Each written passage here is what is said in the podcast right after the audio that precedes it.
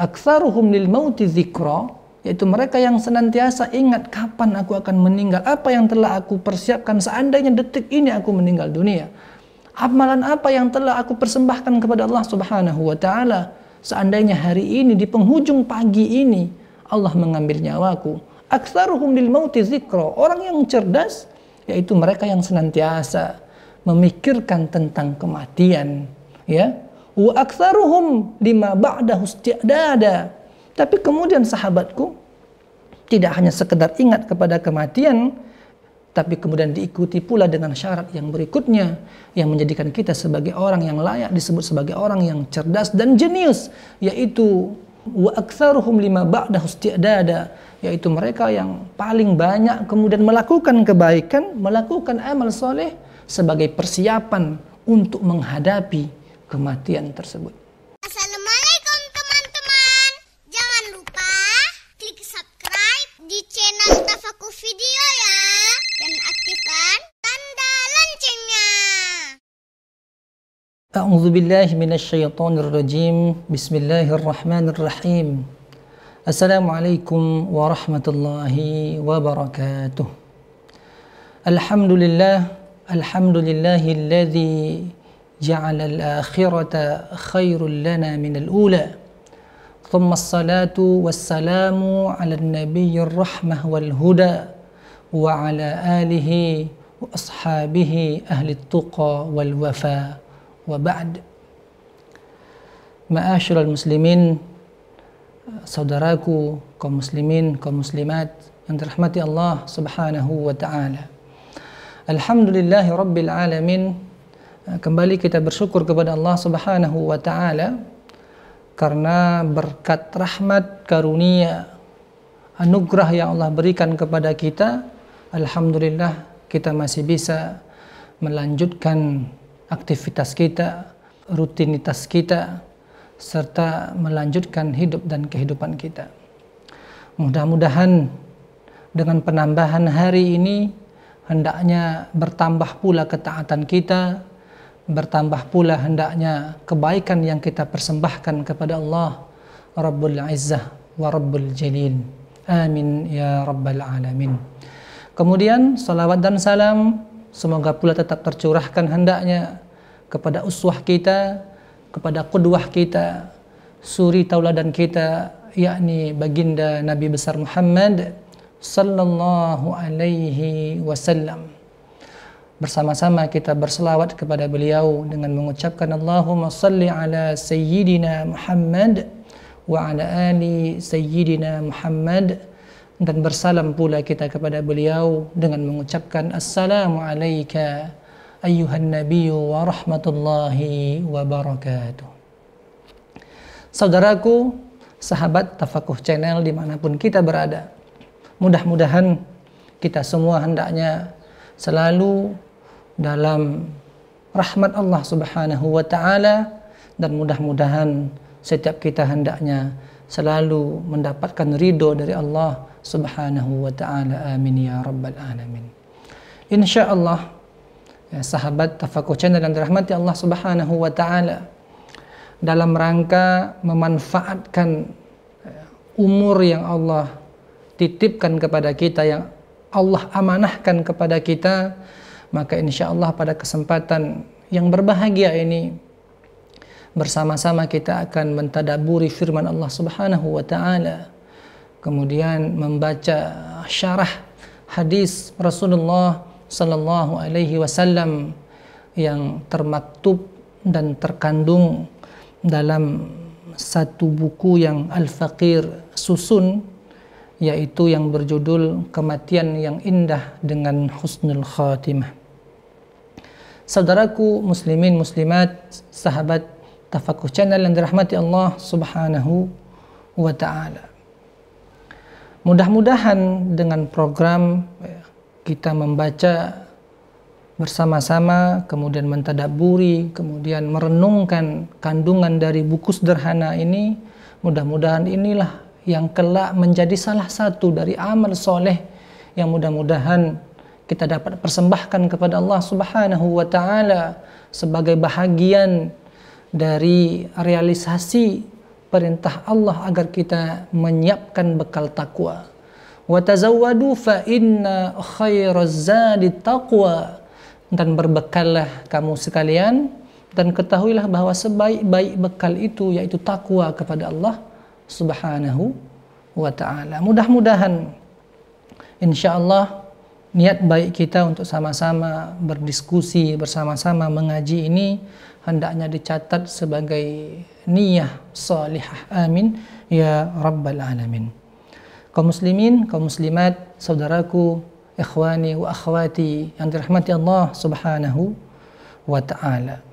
Barangkali sebahagian daripada kita mungkin terlintas di pikirannya mungkin pertanyaan sederhana yang barangkali pertanyaan yang sama juga mungkin terlintas di benak kita untuk setiap mungkin judul buku yang kita beli atau yang kita baca. Adapun buku yang insya Allah akan menjadi pembahasan kita yaitu yang diberi nama kematian yang indah dengan husnul khatimah. Saudaraku yang dirahmati Allah Subhanahu wa taala.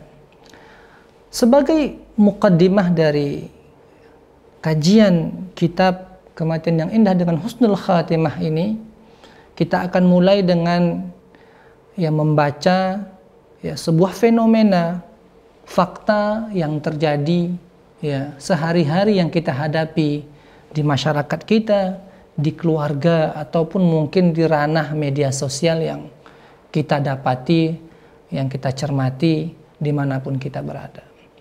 Bahwa hari ini kita banyak disuguhkan dengan kajian-kajian seputar eskatologi atau dengan bahasa sederhana bisa kita terjemahkan sebagai kajian yang membahas tentang akhir zaman, tentang kiamat, yaumul qiyamah atau yaumul akhirah dan seterusnya. Nah, muslimin muslimat dan rahmati Allah Subhanahu wa taala. Kemudian di samping kita mendengar kajian-kajian eskatologi tentang ya, pertanda datangnya kiamat, baik kemudian tanda itu dibagi dengan tanda uh, kecil, tanda wusto atau sedang sampai ke tanda-tanda besar hari kiamat perlu juga kemudian menjadi perenungan kita bersama bahwa terlepas dari kapan kiamat besar itu datang bahwa ternyata saudara yang dirahmati Allah Subhanahu wa taala ada jenis kiamat yang lain yang mana para ulama sebahagian yang membahasakan kiamat ini sebagai al-qiyamatus sughra yaitu kiamat kecil yang mana kiamat kecil ini mengintai kita, yang mana kiamat kecil ini bisa datang menyapa kita kapan pun. Bahkan tanpa perlu tanda-tanda ya, kecil, tanda besar, tanda sedang dan seterusnya. Dia bisa datang dalam detik kapan pun, dalam menit kapan pun. Dan ketahuilah bahwa kiamat tersebut atau kiamat kecil tersebut tak lain dan tak bukan adalah kematian itu sendiri. Saudara-saudari yang dirahmati Allah Subhanahu wa taala. Al-Imam Ibnu Katsir dalam buku beliau yang berjudul Al-Bidayah wan Nihayah menyebutkan ya, man mata faqad qama qiyamatuh. Barang siapa yang telah meninggal dunia, barang siapa yang telah berpisah ruh dari jasadnya, faqad qama qiyamatuh maka sesungguhnya telah datang telah berdiri telah sampai kiamatnya maka tidak heran kemudian para ulama juga membahasakan bahwa kematian itu sendiri merupakan bentuk dari kiamat kecil atau al-qiyamatu as-sughra tersebut Ma'asyiral muslimin, saudara-saudariku, sahabat tafakur channel dan dirahmati Allah Subhanahu wa taala. Maka kemudian menjadi penting untuk sama-sama kita renungi ya sebagaimana yang tadi kita sampaikan selain kita kemudian mengkaji, mendalami syarat-syarat kiamat ya dengan berbagai macam variasinya, dengan berbagai macam jenisnya, syarat kecil, syarat sedang ataupun kemudian syarat-syarat besar dari sebelum terjadinya kiamat itu maka sebagai seorang yang kemudian beriman kepada Allah Subhanahu wa taala ketika Allah menuturkan kullu nafsin dha'iqatul maut bahwasanya setiap yang bernyawa itu pasti akan merasakan yang namanya kematian. Dan para ulama sudah menjelaskan bahwa kematian itu juga ternyata bentuk daripada kiamat yang disebut dengan al-qiyamatu as atau kiamat kecil tersebut. Maka saudara yang dirahmati Allah Subhanahu wa taala, perlulah kemudian kita menjadikan bahwa diri kita ini mawas, bahwa diri kita ini termasuk orang-orang yang kemudian betul-betul waspada bahwa yang namanya kematian itu bisa mampir, bisa sampai, bisa datang kepada kita kapan dan di mana pun kita berada. Maka kemudian tidak salah ketika Rasulullah Shallallahu Alaihi Wasallam kedatangan seorang lelaki, kemudian lelaki ini bertanya kepada Rasulullah Shallallahu Alaihi Wasallam, ya Rasulullah, manhum al akyas ya Rasulullah, Siapakah gerangan orang-orang yang layak disebut sebagai orang yang jenius? Orang yang kemudian layak disebut sebagai orang yang cerdas, tajam akal fikirannya. Dan Rasul pun menjawab dengan jawaban tidak seperti yang kebanyakan kita mungkin sangka jawabannya. Rasul tidak menjawab orang yang jenius, mereka yang memiliki IQ sekian-sekian jumlahnya. Bukan pula mereka yang memiliki deretan gelar akademik ya, profesor, guru besar atau apa pun itu, tapi Rasul Shallallahu Alaihi Wasallam memberikan kepada kita jawaban yang sangat sederhana, jawaban yang mana setiap kita tanpa melihat latar belakang status sosialnya, tanpa kemudian memandang apakah dia terlahir dari golongan orang keluarga yang kaya ataupun seorang yang miskin papa kedana, tapi setiap manusia bisa menjadi, bisa mencapai sosok sebagai seorang yang cerdas yang dibahasakan oleh Rasulullah Sallallahu Alaihi Wasallam. Yaitu orang yang cerdas itu adalah barang siapa yang kemudian ingat kepada kematian. Ya. Jadi orang yang cerdas itu mereka yang senantiasa ingat kepada kematiannya. Ya. Tentu tidak hanya sekedar ingat kepada kematian, tapi juga wa amila lima ba'dal maut atau dalam riwayat yang lain dikatakan ya wa aktsaruhum lima ba'dal maut isti'dada yaitu mereka yang senantiasa selain ingat kepada kematian aktsaruhum lil mauti dzikra yaitu mereka yang senantiasa ingat kapan aku akan meninggal apa yang telah aku persiapkan seandainya detik ini aku meninggal dunia Amalan apa yang telah aku persembahkan kepada Allah Subhanahu wa taala? Seandainya hari ini di penghujung pagi ini Allah mengambil nyawaku.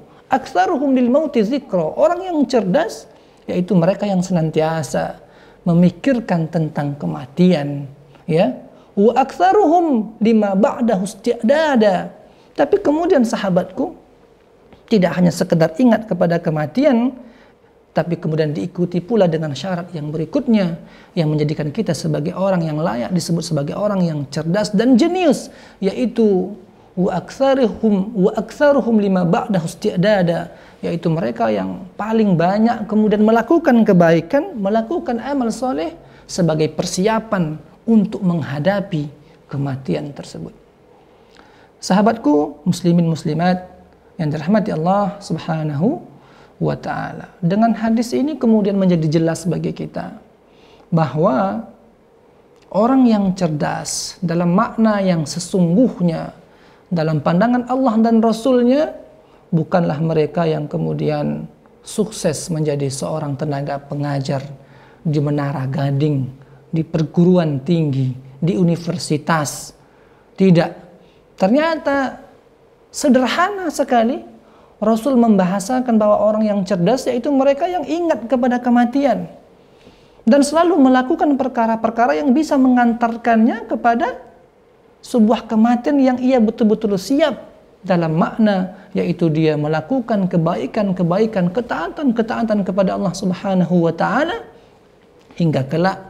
Ketika kematian itu datang menyapanya dia dalam keadaan yang siap yaitu orang-orang yang kemudian mendapatkan kematian yang indah yang dibahasakan dengan husnul khatimah yaitu akhir yang baik dari setiap detak nafas dari setiap detik yang ia lalui di muka bumi Allah yang fana ini.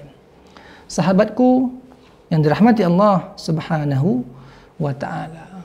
Maka kemudian menjadi penting bagi kita sebagai orang yang beriman untuk kemudian kita memahami tentang kematian, untuk kita kemudian memahami tentang langkah-langkah bagaimana caranya agar kita ini dikategorikan atau paling tidak kita betul-betul berada dalam rel yang mengantarkan kita kepada kematian yang husnul khatimah ini.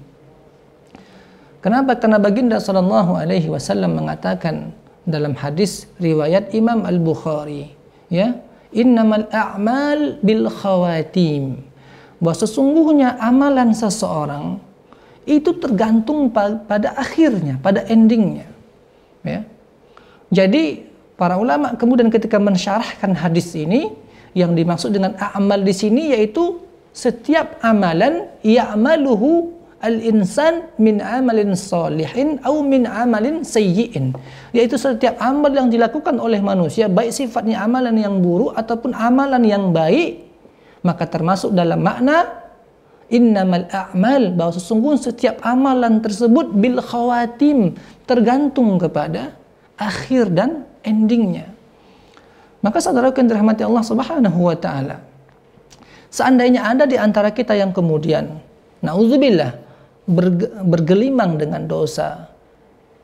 Kita terjerumus dalam maksiat, ya, mungkin dalam riba, mungkin dalam uh, sebuah tindak kriminal atau mungkin korupsi atau apa pun jenis keburukan, kemungkaran, maksiat yang kita lakukan, jangan pernah berputus asa. Kenapa? Karena Rasul mengatakan sallallahu alaihi wasallam, "Innamal a'malu bil khawatim." Bahwa amal itu itu tergantung akhirnya. Maka selagi kita masih bisa menarik nafas, selagi kita masih bisa menjalankan kehidupan ini, maka tidak ada kata terlambat. Tubu ilallahi taubatan nasuha. Kembalilah kita ya, keharibaan Allah Subhanahu wa taala. Hendaklah kita kemudian bertaubat kepada Allah Subhanahu wa taala dengan sebenar-benar taubat. Saudaraku muslimin muslimat, sahabat tafakur channel yang dirahmati Allah Subhanahu wa taala. Maka kemudian ya, telah kita sampaikan bahwa menjadi penting bagi kita untuk membahas yang namanya kematian. Ya. Dan boleh jadi juga ada di antara kita adalah orang-orang yang alhamdulillah Allah berikan kehidupan di tengah komunitas ya di tengah masyarakat yang rajin beribadah, masyarakat yang rajin menjaga jamaahnya, masyarakat yang senantiasa bertadarus di masjidnya.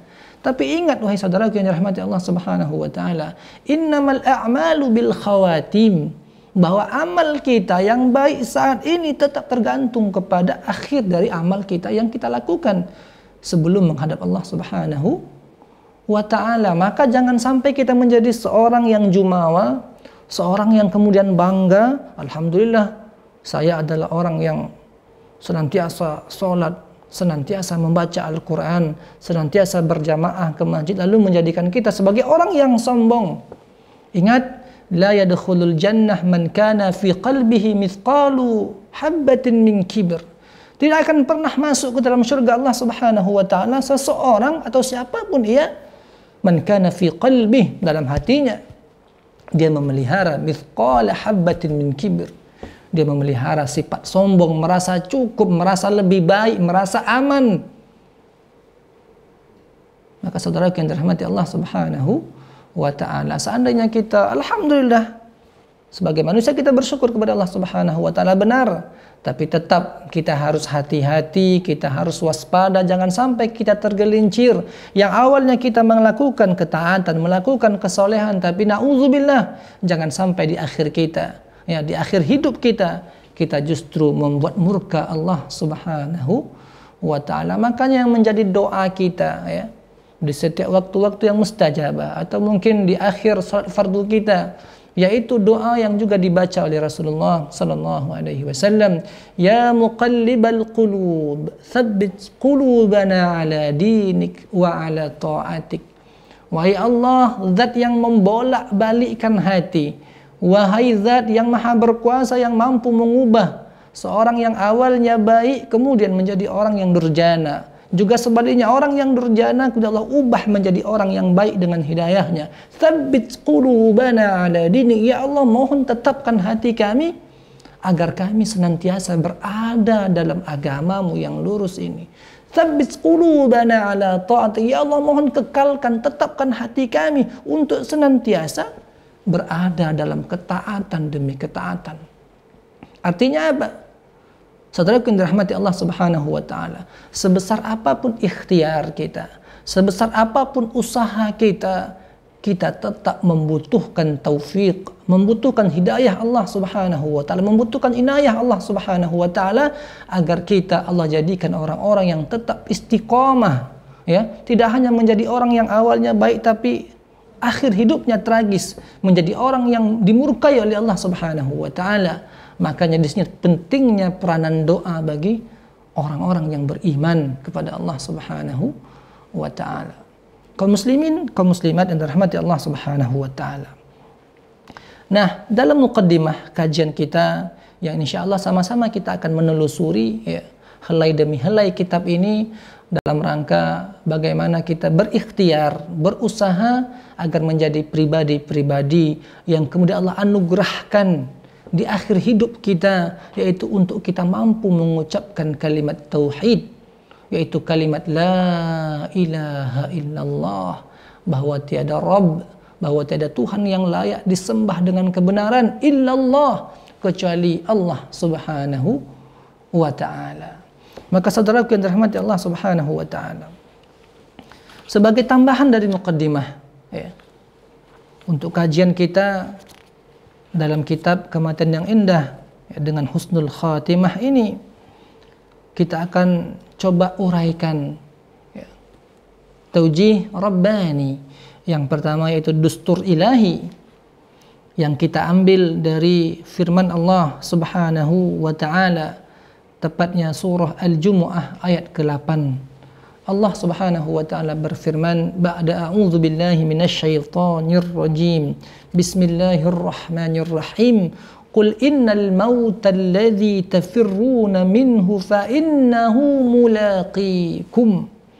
Thumma turadduna ila alimil ghaibi wasyahadah fayunabbi'ukum bima kuntum ta'malun Sadaqallahul azim Allah berfirman, "Qul" katakanlah wahai Muhammad, "Innal mauta alladzi tafirruna minhu" katakanlah wahai Muhammad kepada mereka bahwa sesungguhnya kematian yang kamu sekalian tak suka mendengarnya. Yang kamu sekalian tidak siap apabila kematian itu datang kepadamu saat ini. Tafirruna minhu yang setiap kita berusaha lari menghindari kematian ini, fa innahu mulaqikum. Bahwa sesungguhnya kematian itu pasti akan datang menghampiri kita. Maka sahabat yang dirahmati Allah Subhanahu wa taala dalam ayat yang lain Allah juga menegaskan tepat dalam surah An-Nisa ayat ke-78 Aynama takunu yudrikkumul maut walau kuntum fi burujim musyayyadah Di mana pun kamu berada, ketika Allah telah menetapkan ajal kita, menetapkan kematian kita, yudrikkumul maut. Pasti kematian itu akan datang kepada kita walau kuntum fi burujim musyayyadah sekalipun kita bersembunyi dalam benteng yang tinggi lagi kokoh dengan pengawalan tentara polisi sebanyak apa pun yudrikumul maut ketika waktu telah ditetapkan kematian itu pasti akan datang kepada kita kemudian summa turadduna ila alimil ghaibi wasyahadah ketika kematian itu datang maka kita kelak akan dikembalikan kepada siapa? Ila alimil ghaibi wasyahadah. Kepada zat yang maha mengetahui setiap apa yang terjadi, yang gaib ataupun asyahadah. Alam yang bisa kita saksikan dengan kasat mata. Fayunabbi'ukum bima kuntum ta'malun dan kemudian Allah kelak akan memberitakan, menghabarkan kepada kita setiap apa yang dulu pernah kita lakukan di muka bumi ini.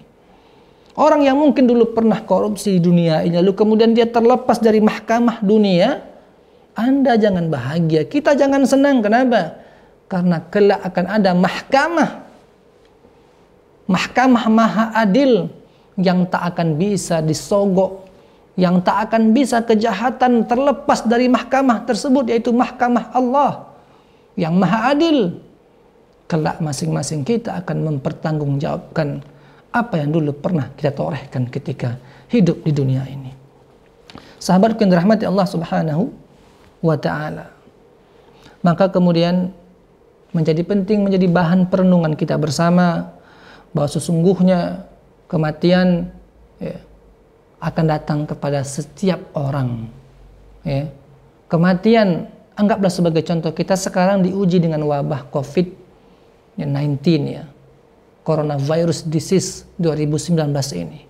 Kalau kita kemudian membaca berita baik di sosial media, koran cetak, elektronik atau apa pun media yang kita baca, kita mendapatkan bahwa ternyata Corona ini menyerang siapa saja. Tidak hanya menyerang rakyat jelata yang tinggal di sudut kampung pedalaman yang kotor, tapi ternyata corona ini juga menyerang seseorang yang tinggal di rumah yang mewah.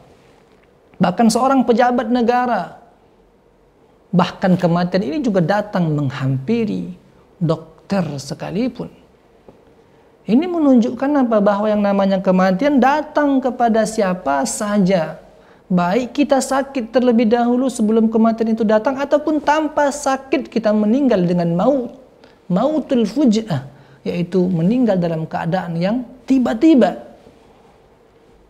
Maka saudara yang dirahmati Allah Subhanahu wa taala, ayat ini mengajarkan kepada kita bahwa kalau kita kemudian berusaha untuk lari atau berusaha untuk bekerja mati-matian untuk bisa membayar dokter apabila sakaratul maut datang napas kita kemudian sulit untuk kita bernafas, kita membayar dokter paling hebat sekalipun, jaa ajaluhum la yastakhiruna sa'ata wa la yastaqdimun. Tapi ingat, ketika ajal telah ditetapkan, maka tidak bisa dicepatkan dan juga tidak bisa diundurkan. Seseorang yang sudah berada di tiang gantungan sekalipun, ketika Allah belum menetapkan ajalnya, akan ada orang yang menyelamatkannya. Seseorang yang memiliki harta dengan fasilitas rumah sakit yang mewah, dokter yang handal, spesialis, ketika Allah menetapkan ajalnya, tidak ada yang bisa membantunya dari yang namanya kematian. Saudaraku yang dirahmati Allah Subhanahu wa taala.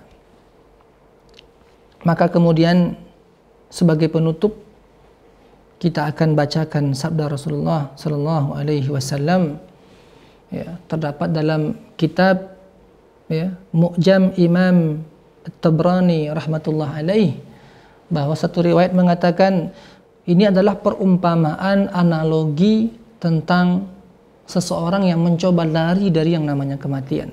Dikatakan mathalul ladzi yafirru minal mauti kamathalis sa'labi bahwa perumpamaan orang yang berusaha untuk lari untuk kabur dari yang namanya kematian Kama salis ta'labi ta'ubahnya seperti musang. Tatlubuhul ardu bidainin. Ya. Taubahnya seperti musang yang kemudian berhutang budi kepada bumi, berhutang budi kepada tanah. Siapa di antara kita yang tak pernah berhutang budi kepada tanah? Bukankah rumah kita yang megah tersebut dijadikan di atas bumi ini, di atas tanah ini? Dan bukankah pula kelak ketika kita meninggal dunia kita juga akan ditimbun, ditanam dalam tanah itu juga. Maka perumpamaan orang yang lari daripada kematian sama seperti seekor musang yang ingin lari daripada tanah dan bumi ini. Faja'a yas'a hatta iza a'ya wan bahar. Lalu kemudian musang ini ketika ditagih oleh bumi, oleh tanah tentang hutangnya, Lalu kemudian dia pun berlari sejadi-jadinya. Hatta iza a'ya wan bahar. Sampai dia pun kemudian ya, lelah. Lalu dia pun kemudian capek tak bisa lagi berlari. Dakhala hujrah. Lalu kemudian seekor musang ini pun lari masuk ke dalam lubang yang ada dalam bumi dalam tanah ini.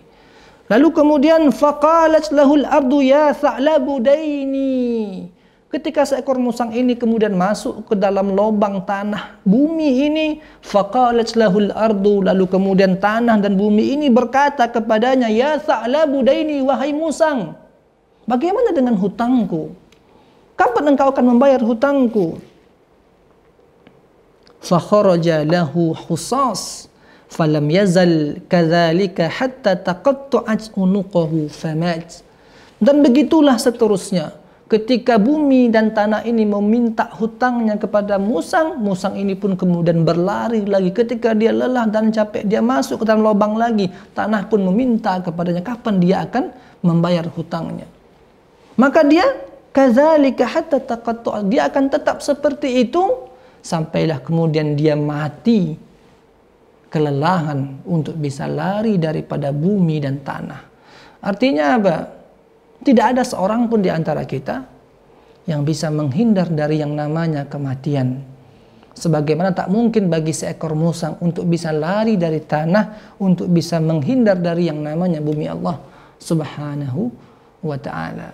Mudah-mudahan dengan eh, kajian diskusi yang singkat ini menjadikan kita pribadi-pribadi yang dekat kepada Allah Subhanahu wa taala pribadi-pribadi yang di tengah kesibukan kita sehari-hari di kantor ya, apalagi di saat wabah ini Allah meletakkan di hati kita yaitu perasaan ya, rindu untuk bertemu dengan Allah Subhanahu wa taala dan tak mungkin pertemuan itu akan terjadi sebelum kita melewati satu fase yaitu fase kematian ini. Saudara yang dirahmati Allah Subhanahu wa taala, insyaallah ada kesempatan lain waktu kita akan sambung kajian kita tentang yaitu kematian yang indah dengan husnul khatimah. Jazakumullah ala husnul ihtimam. Terima kasih kami ucapkan atas segala perhatian. Mohon maaf apabila ada kesalahan dan kekurangan yang benar dari Allah Subhanahu wa taala. Adapun salah dari hamba Allah yang lemah ini. Fa'tabiru ya ulil absar la'allakum turhamun. Wallahu a'lamu ahkam. Wassalamu alaikum warahmatullahi wabarakatuh